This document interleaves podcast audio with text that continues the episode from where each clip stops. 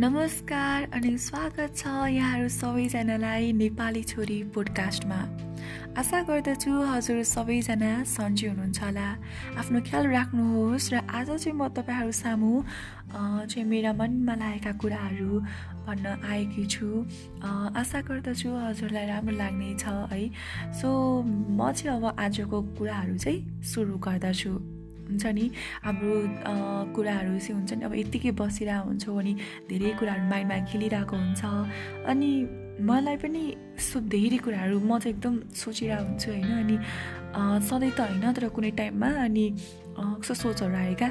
अब त्यही बेलाकै सिचुएसन भएको थियो अनि कस्तो फिल भयो भने मलाई चाहिँ हरेक कुराहरू हुनु पछाडि केही न केही रहस्य पक्कै हुन्छ कि?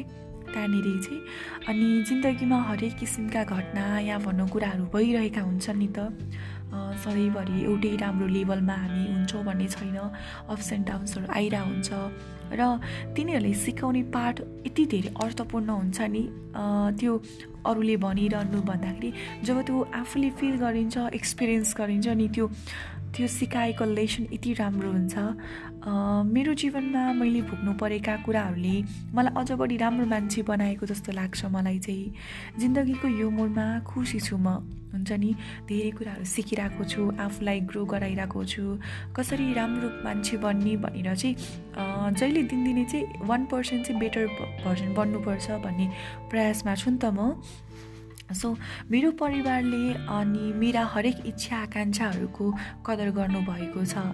मेरो परिवारप्रतिको जिम्मेवारी मलाई राम्रोसँग थाहा छ। उहाँहरूले मेरो हरेक कुराहरू पुरा गरिदिनु भएको छ र मेरो जिम्मेवारी के हो भनेर मलाई थाहा छ राम्रोसँग। र त्यो दिन छिट्टै नै आउनेछ।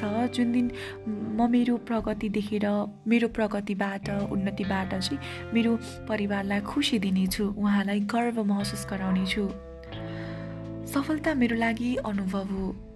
जसले मलाई आनन्दित बनाउँछ। अब सबैजनाको सोच अनुसार चाहिँ अब सफलताको डेफिनेसन फरक हुन्छ नि त। मेरो लागि चाहिँ सफलता भनेको एउटा यस्तो अनुभव हो जसले हामीलाई आनन्दित फिल बनाउँछ कि। र मलाई परिश्रममा अझ विश्वास दिलाउँछ क्या। यदि मैले सफलता सफलताले चाहिँ त्योवाला काम चाहिँ गर्छ जस्तो लाग्छ। र अहिले त म सङ्घर्ष गरिरहेको छु। भोलिको सुन्दर भविष्य बनाउनको लागि। र एउटा कुरा के चाहिँ हो भने हामी जे काम गर्दा पनि आफूले आफूलाई चाहिँ विश्वास गर्नुपर्छ त्यही भएर मैले चाहिँ आफूले आफूलाई विश्वास गरेको छु कि ढिलो चाँडो आफ्नो ठाउँमा छ तर एक दिन अवश्य पनि आफ्नो गन्तव्यमा पुग्नेछु र मेरा आफ्नोहरूलाई चाहिँ खुसी दिनेछु र उहाँहरूले डिजर्भ गर्ने सुख चाहिँ दिनेछु।